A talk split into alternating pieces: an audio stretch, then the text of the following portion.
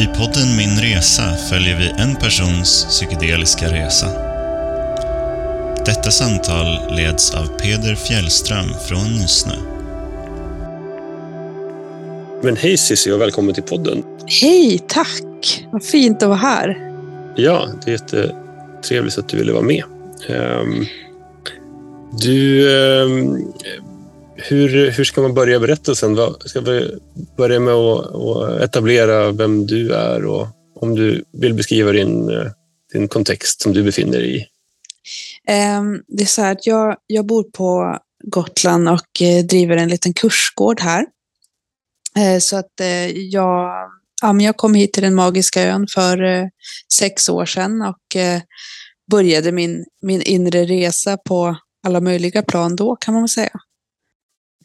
Så eh, det här fältet psykedelika, har du någon relation till det sen, sen tiden? När började den relationen?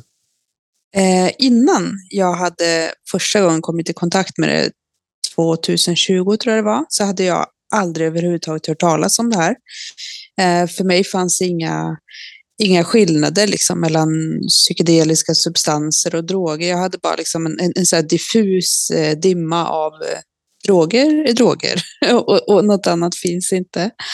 Så att ehm, 2020 då så kom jag i kontakt med en, en eh, kvinna som blev en väldigt fin vän till mig genom en utbildning jag gick eh, inom, man kan säga inom det andliga då, eller shamanska, nordisk shamanism och sådär.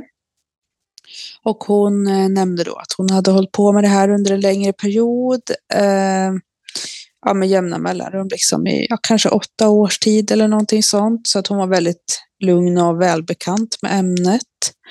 Och eh, det hade då kommit upp en förfrågan om inte de kunde hålla en sån här ceremoni eh, här på Gotland. Så jag fick då frågan om det här skulle kunna äga rum hos oss på kursgården här. Och på den vägen var min allra första möte med, med någonting psykedeliskt överhuvudtaget. Mm. Så det är ganska färskt, ett par år. Ja, det är det. Hur, eh, om du beskriver en, du, du pratar om en, eh, en shamanistisk bakgrund eller intresse. Kan du, kan du utveckla det lite grann? Ja, precis. Men jag har ju alltid varit intresserad av, eh, vad ska man säga, andlighet och spiritualitism och allt möjligt vad det heter. Men, men just den shamanistiska vägen hade jag inte heller varit inne på så där jättelänge. Det var ett par år före det kanske som jag hade varit lite nyfiken. Jag hade börjat gå på lite ceremonier, um, utforska det här med, med vad kan man, hur kan man leva livet liksom om man inte bara följer normen eller vad man säger. Mm. Så att på den banan kom jag in på den här utbildningen som var en tvåårig prästinneutbildning där vi lärde oss mycket om eh, gudinnor, om årshjulet, eh, om att leva efter naturens cykler lite mer. Mm. Så den här, eh, den här banan, hur, hur, jag är också nyfiken på hur du kom in på, på den.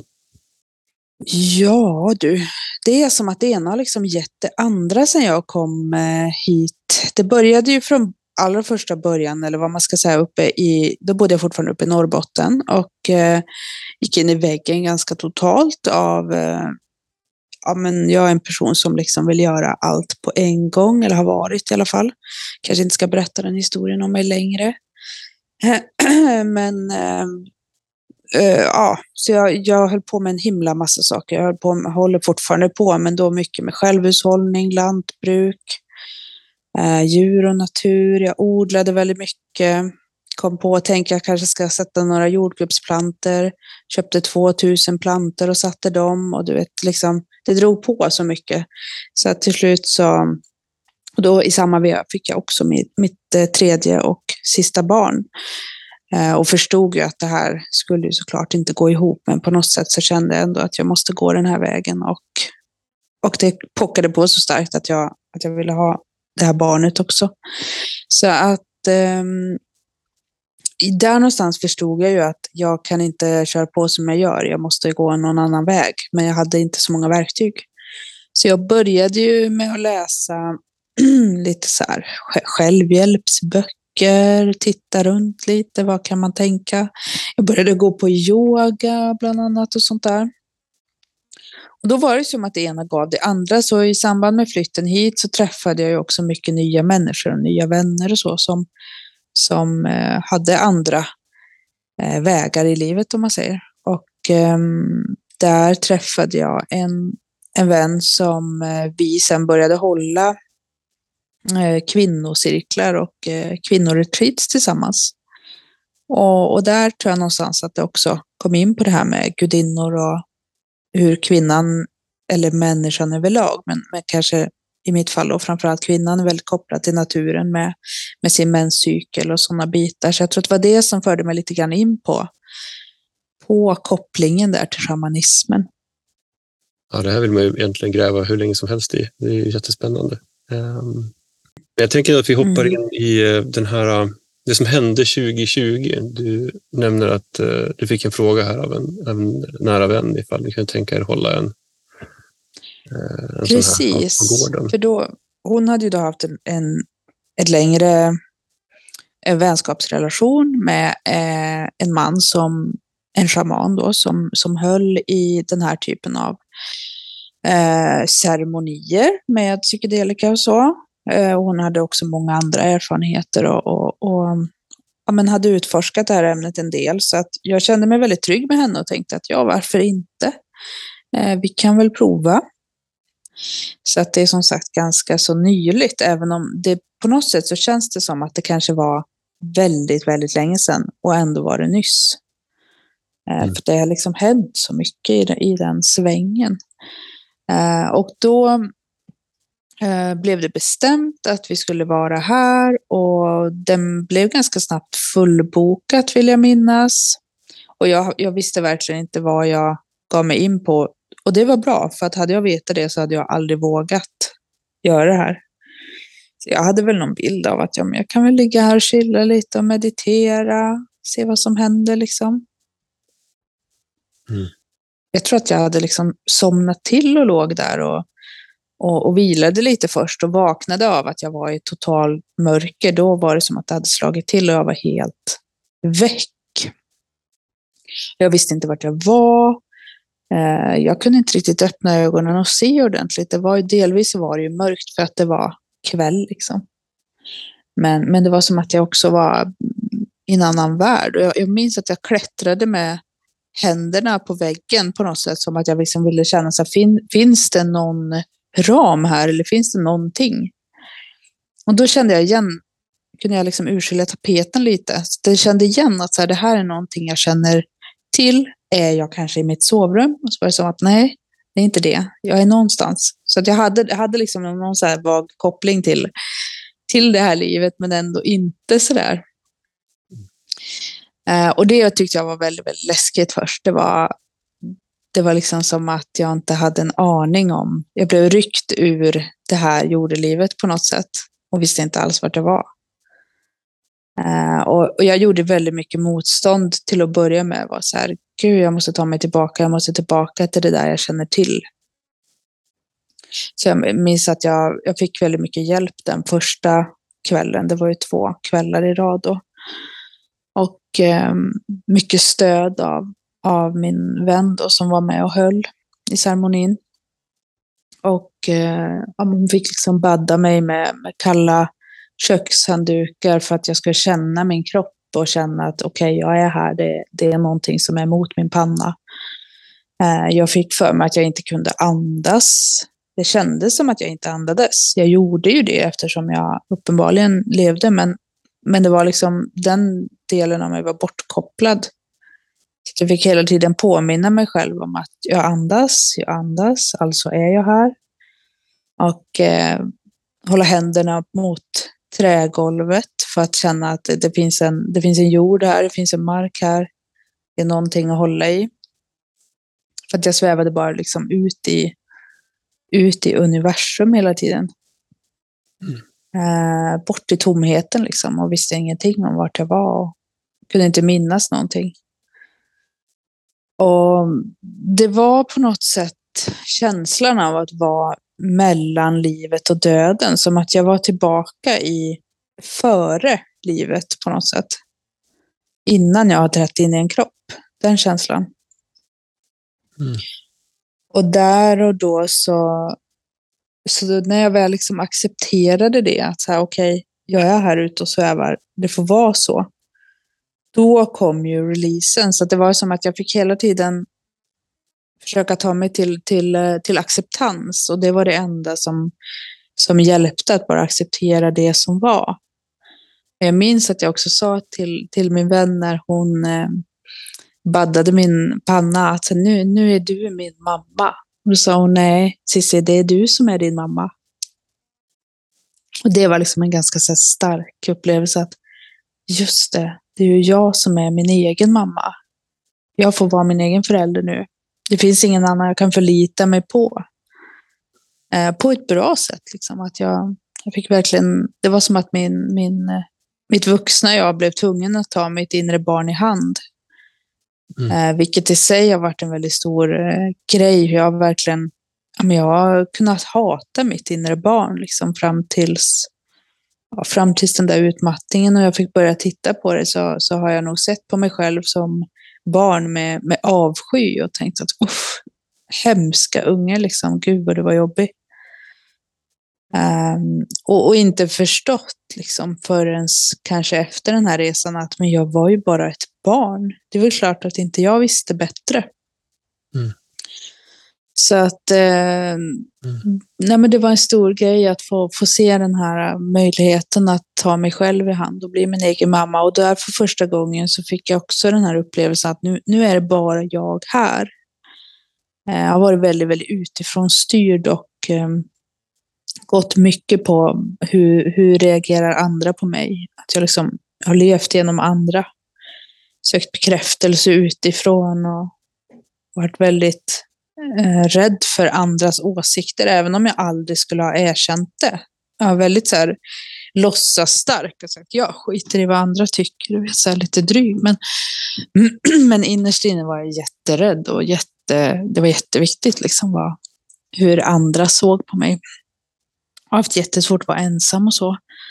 Så att, så att få den här upplevelsen att nu är det bara jag här. Det var väldigt, väldigt stark. Eh, och jag hade också då stundvis väldigt roliga, den första kvällen var det väldigt eh, ro, roliga inslag också där jag kunde skratta jättemycket åt mig själv. Det var som att jag låg och förde en dialog med mig själv, om mig själv i, jag vet inte, säkert flera timmar. Och, och, och liksom äntligen kunde ta ett steg utanför mig själv och skratta åt alla idéer jag har haft och hur jag har hållit på. Och, mm.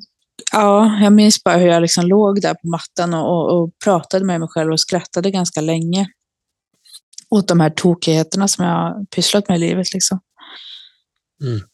Jag är nyfiken på eh, de, den ingångskänslan eh, eh du hade i det här. Kände du dig förberedd på eh, hade du fått några verktyg med dig att eh, till exempel det du pratar om, någon sorts acceptans eller att följa med? Ja, eh, de hade ju pratat om det innan, liksom, att det bästa är att inte göra motstånd, bara följa med i det som är. Och det var ju på en intellektuell nivå. Liksom. Jag hade hört orden och tänkt att ja, ja, det blir säkert enkelt. Det går ju bra. Men eh, det var ju verkligen inte enkelt. Alltså, det var, var så otroligt tufft för mig att eh, gå in i i acceptans på något sätt. Och då, jag insåg ju där också hur otroligt starkt ego jag har och, och den här berättarrösten i huvudet som men ganska helst inte vill släppa taget liksom, utan vill ha kontrollen. Mm. Så, att, så att på, på något sätt att ha en idé om att jo, nej, jag gillar att ha kontroll till att verkligen förstå att shit, jag är helt beroende av kontroll. Det var en stark eh, insikt. Mm. Så du kommer ur den här eh, rätt eh, stökiga, omvälvande upplevelsen och, eh, och bestämmer dig ändå för att vara med på dag två. Ja, precis. Och då var jag ju, jag var ganska så rädd, men, men ändå kände jag att så här, jo, men det var ju delvis ganska roligt också. Så jag, på något sätt hade jag en, en känsla av att det kommer funka.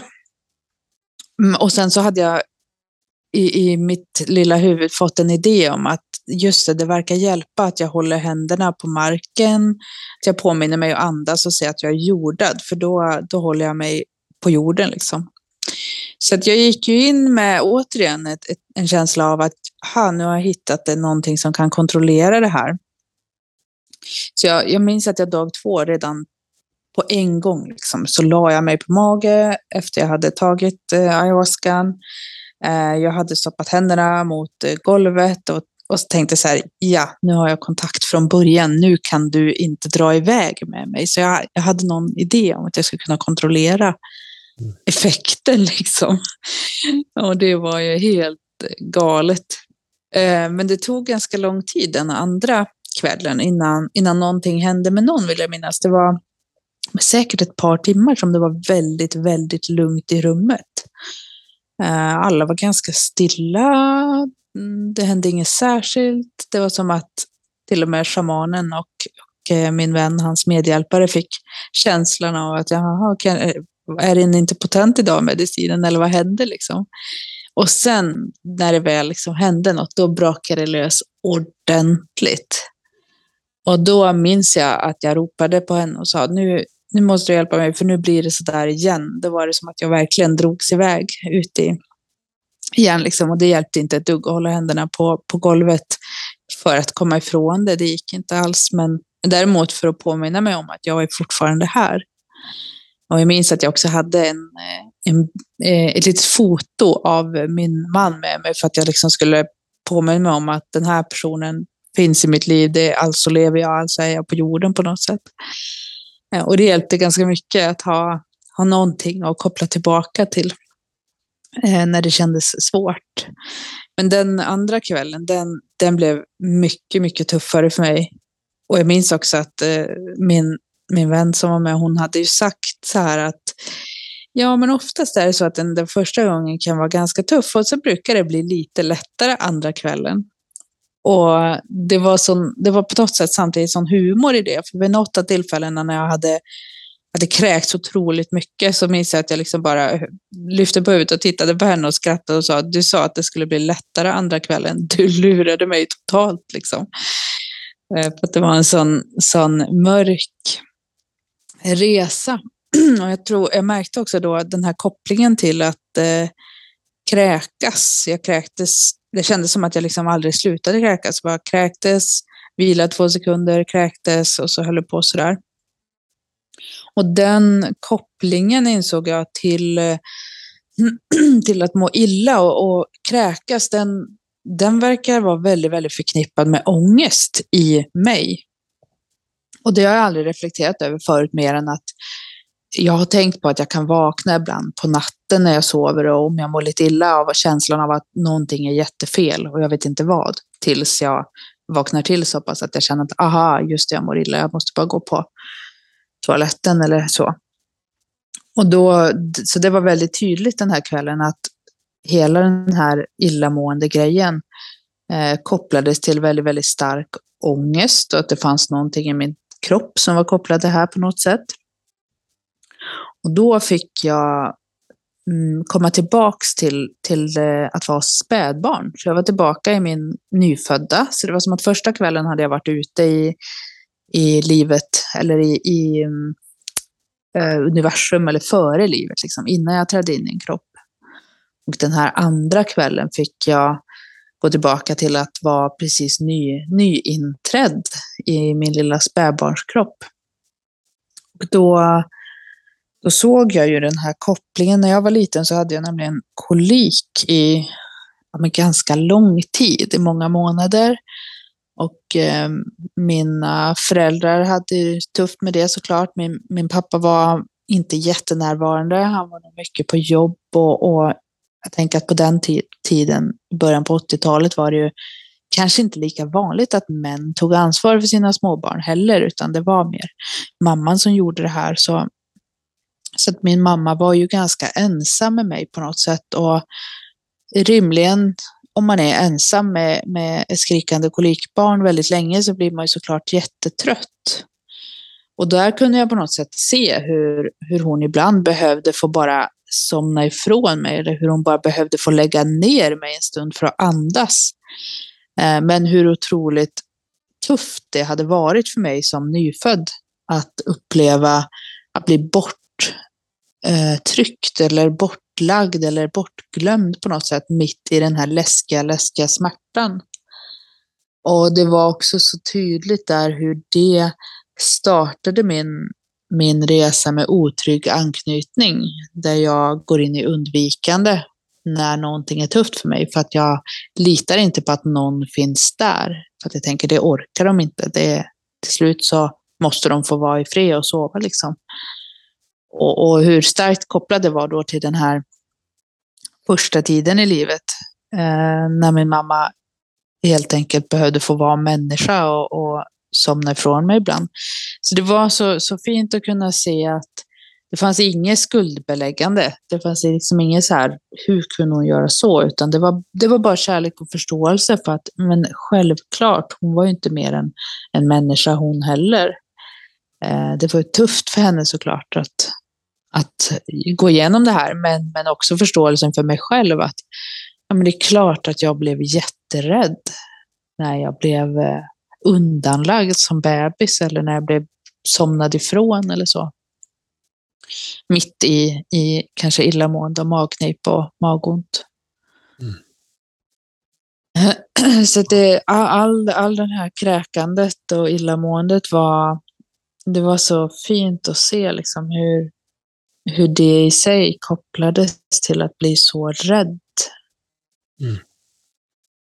Så, mm. och, och, dagen efter när vi hade så här påsar då, som vi kräktes i och så höll de på och bytte de där och tog hand om oss hela tiden. Och, och, dagen efter var det verkligen ett berg av påsar som vi skulle städa bort. Och då, då minns jag att de sa till mig att så här, ja, hälften av den här högen är nog din. och vi var kanske tolv personer då, så att det var nog en del som skulle ut. Mm. Och, och, och, jag blev också ganska gapig för att jag gjorde mycket motstånd mot det här. Bara så här, nej, jag orkar inte mer. Och jag minns att jag, jag pratade ju ganska högt och, och, i efterhand så tänker jag så här, oj vad jag kanske störde gruppen. Men samtidigt så var det nog precis som det skulle med det också för att många drog sig igång och, och fick sina resor tack vare att jag höll på och gapade där på min plats också. Så att jag eh, vid flera tillfällen så var jag så här, stäng av den här skiten, så här jättehögt liksom. Så här, nu, nu lägger vi av.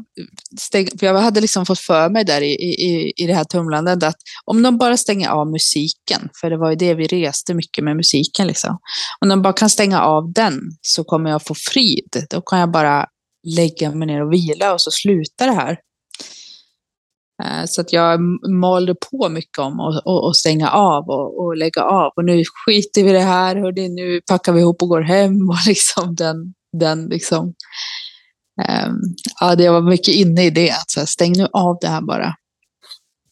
Och uh, uh, ja, jag minns att uh, min vän också sa till mig när hon kom och hjälpte mig, liksom att men, försök att släppa taget nu bara. Jag fattade inte ens, hur ska jag ens kunna släppa taget? Det var som att jag inte hittade den nyckeln.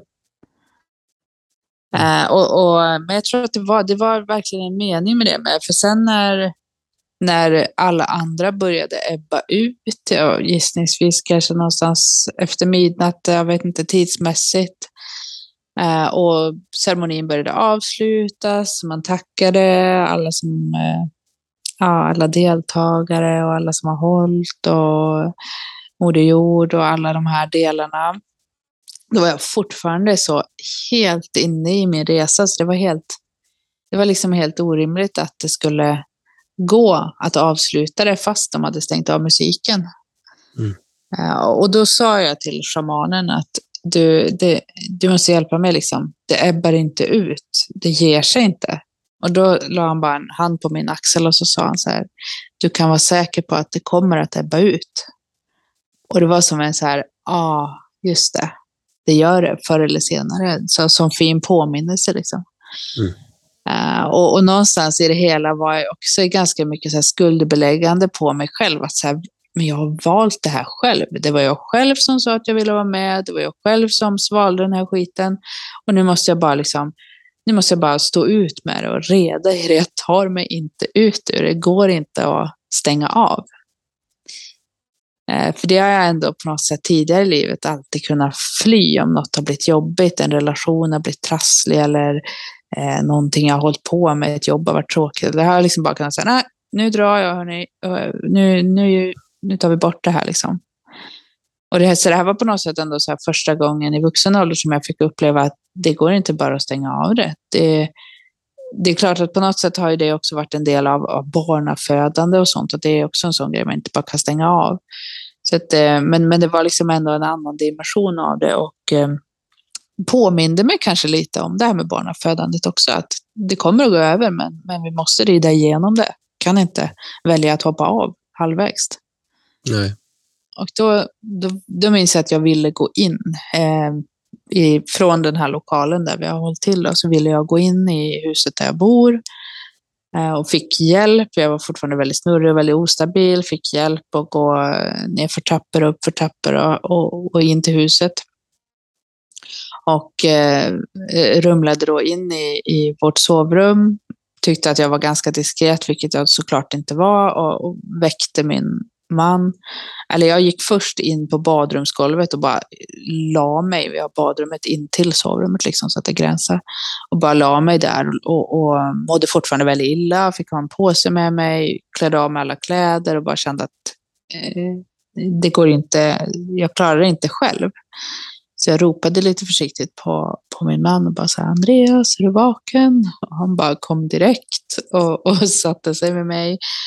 Och det var, jag tror att det var liksom hela meningen också med den, att det inte skulle ebba ut, att jag skulle överlämna mig till honom, för att det var där någonstans som att jag också kunde se det här med hur jag har tryckt undan alla människor på grund av min otrygga anknytning och tänkt att det är ingen som orkar hålla mig i längden ändå.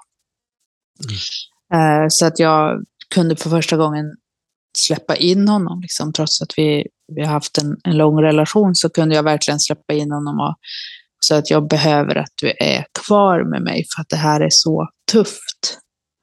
Och då, han satt där med mig på, på det här eh, hårda badrumsgolvet av klinker liksom i kanske två, tre timmar och bara strök mig och var så här, jag är kvar med dig, jag lämnar inte dig.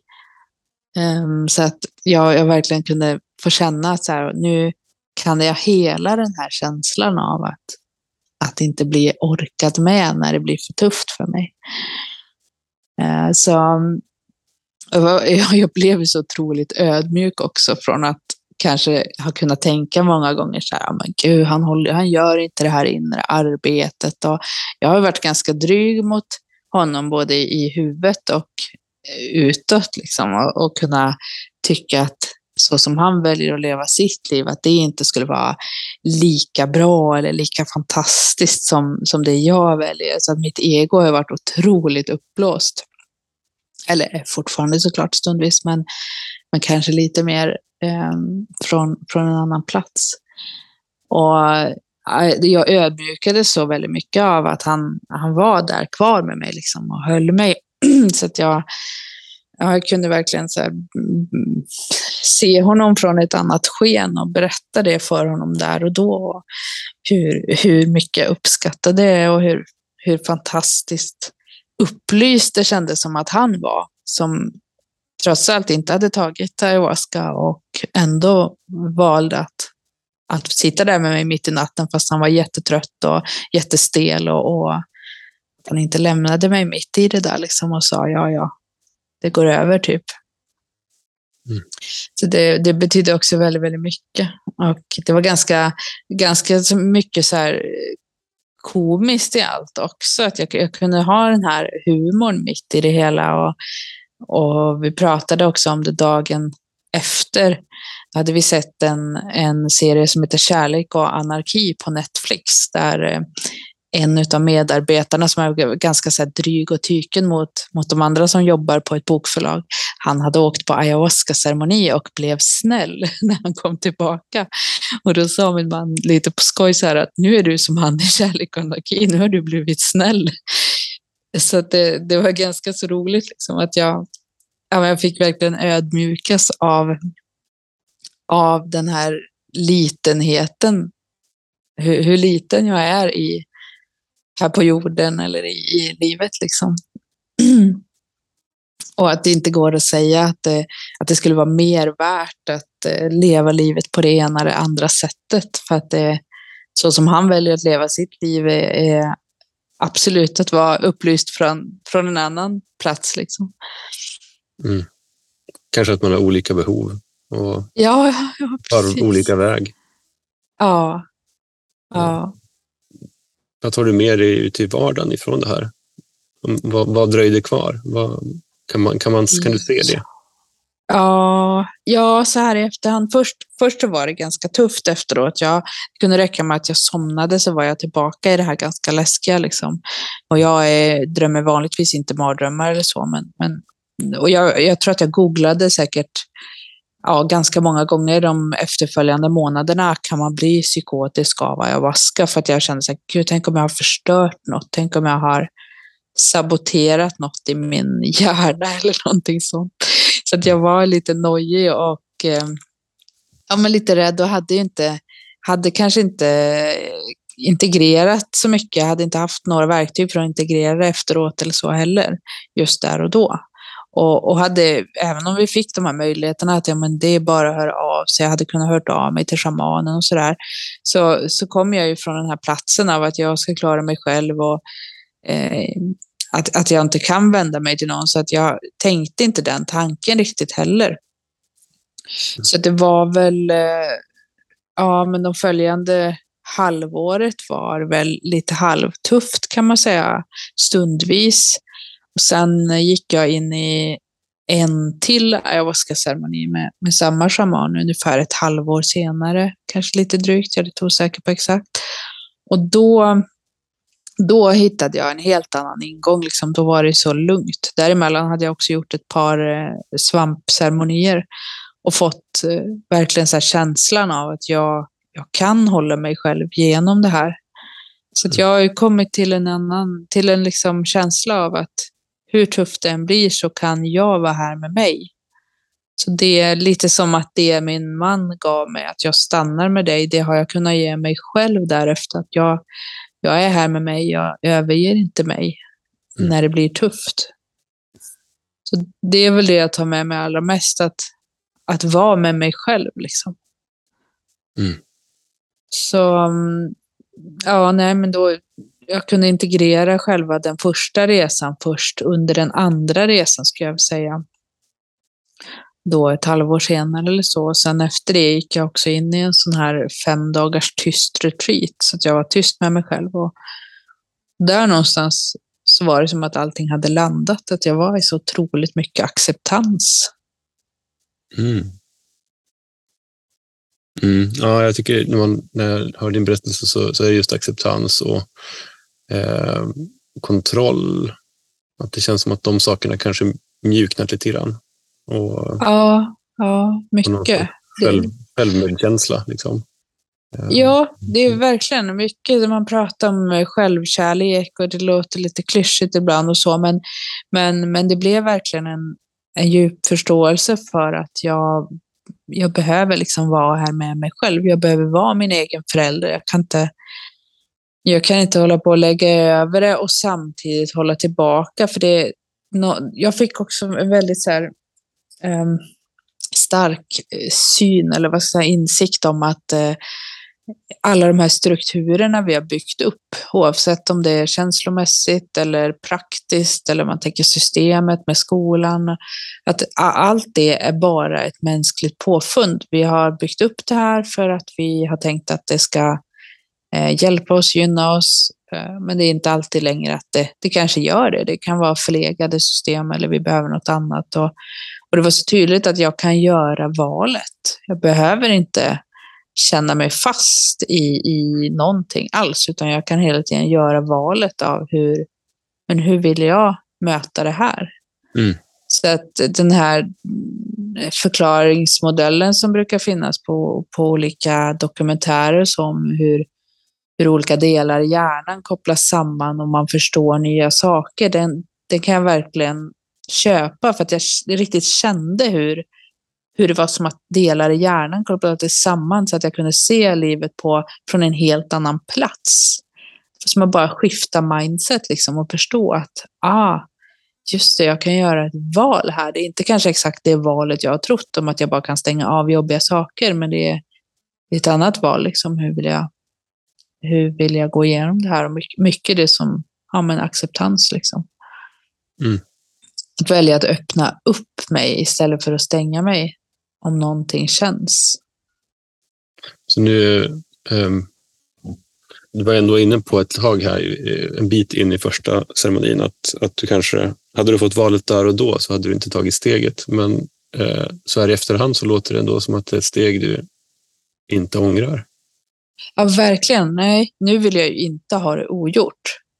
Men, men hade, jag, hade jag haft minsta föraning om hur otroligt svårt det skulle kännas och tufft så hade jag nog förmodligen inte vågat. Liksom. Så att, och det är väl som allt här i livet, att vi, vi vet inte i förväg hur saker kommer att utvecklas och, och visste vi det så kanske vi inte vå hade vågat.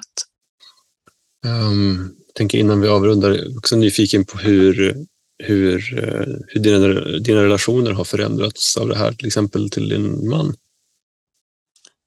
Uh, ja, det, den har ju förändrats såklart mycket från att uh, vara en ganska dömande kontext från min sida då, till att uh, mycket mer, ha mycket mer förståelse och, och kunna se nu kan jag se saker också från, från andras perspektiv mycket lättare.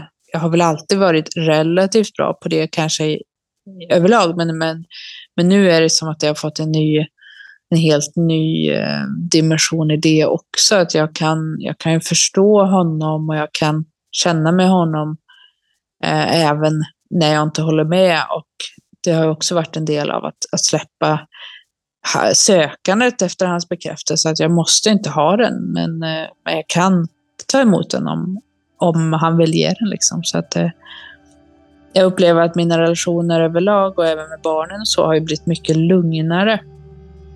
Det finns ingen brådska någonstans längre. Det, det liksom finns inget att uppnå. Det är inget jag ska söka efter. Utan det är bara, livet är inte till för att för att göras, utan det är till för att upplevas på något sätt. Så att gå, gå från eh, det perspektivet att vi ska prestera någonting till att mm, jag ska bara uppleva det. Oh, wow. Mm. Ja, men med, med de visa orden så kanske vi tackar för oss. Ja, gud vad fint. Tack för ja, spännande. Ja, tusen tack.